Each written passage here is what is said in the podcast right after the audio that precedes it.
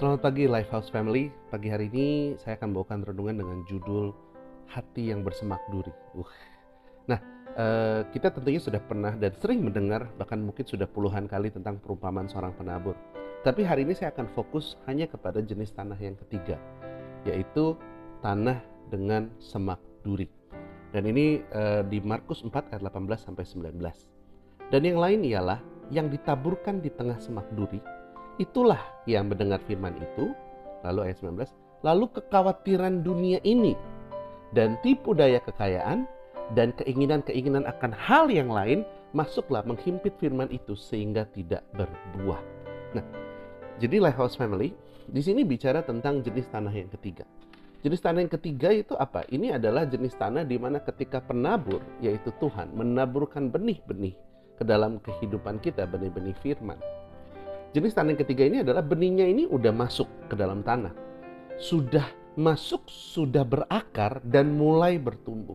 Ini bicara tentang anak-anak Tuhan yang dalam hidupnya itu sudah mengalami kasih Tuhan, sudah pergi ke gereja secara konsisten, bahkan sudah tertanam di dalam gereja tersebut, sudah tertanam dalam keluarga kerajaan Allah tersebut, bahkan mungkin juga sudah melayani karena sudah kelihatan sudah mulai mengakar dalam kehidupannya. Tetapi yang menarik adalah orang-orang di jenis tanah ketiga ini dia sama sekali tidak berbuah sehingga tidak berbuah. Itu dikatakan di ayat 19 sehingga tidak berbuah.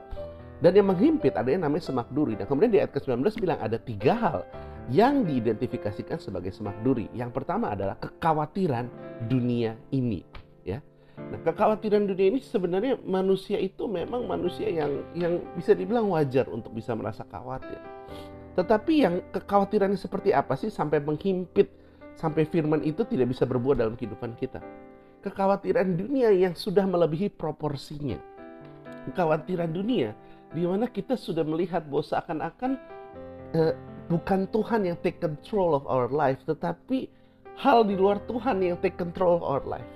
Nah Bapak Ibu saya cuma mau katakan teman-teman Lifehouse Family bahwa jangan sampai kekhawatiran dunia ini membuat kita menjadi lupa akan Tuhan, membuat kita menjadi lupa bahwa Tuhan tuh yang megang kendali atas hidup kita ini.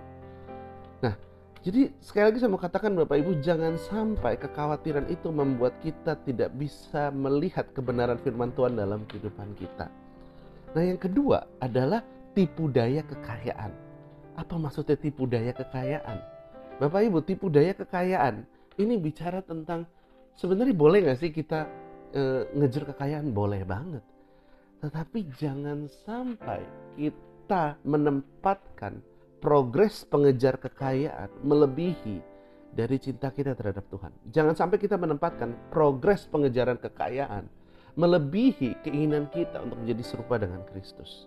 Dan hal yang ketiga, keinginan-keinginan akan hal yang lain. Ini bicara tentang apa Bapak Ibu? Ini bicara tentang ketika kita menempatkan hal-hal yang lain, mengingini hal yang lain, lebih daripada kita mengingini pribadi Tuhan.